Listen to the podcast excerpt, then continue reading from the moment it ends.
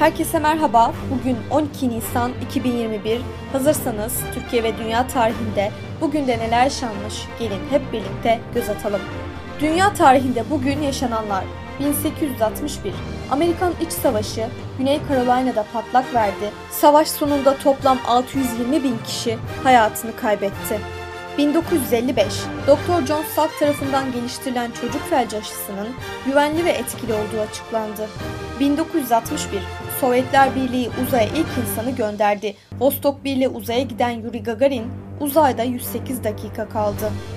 1963 Martin Luther King Alabama'da sivil haklar yürüyüşüne öncülük ettiği gerekçesiyle tutuklandı.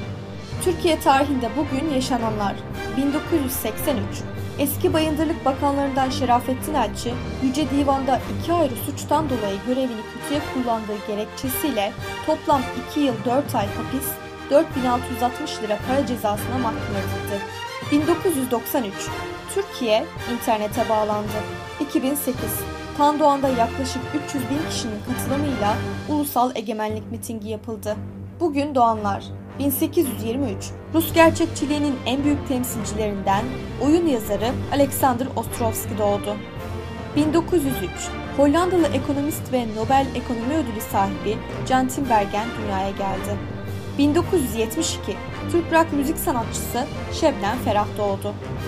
Bugün ölenler 1937 Türk şair ve diplomat, Makber ve Eşber gibi yapıtlarıyla tanınan Abdülhamit Tarhan vefat etti. 1967 Türk tarihçi İsmail Hamid Danışment hayatını kaybetti.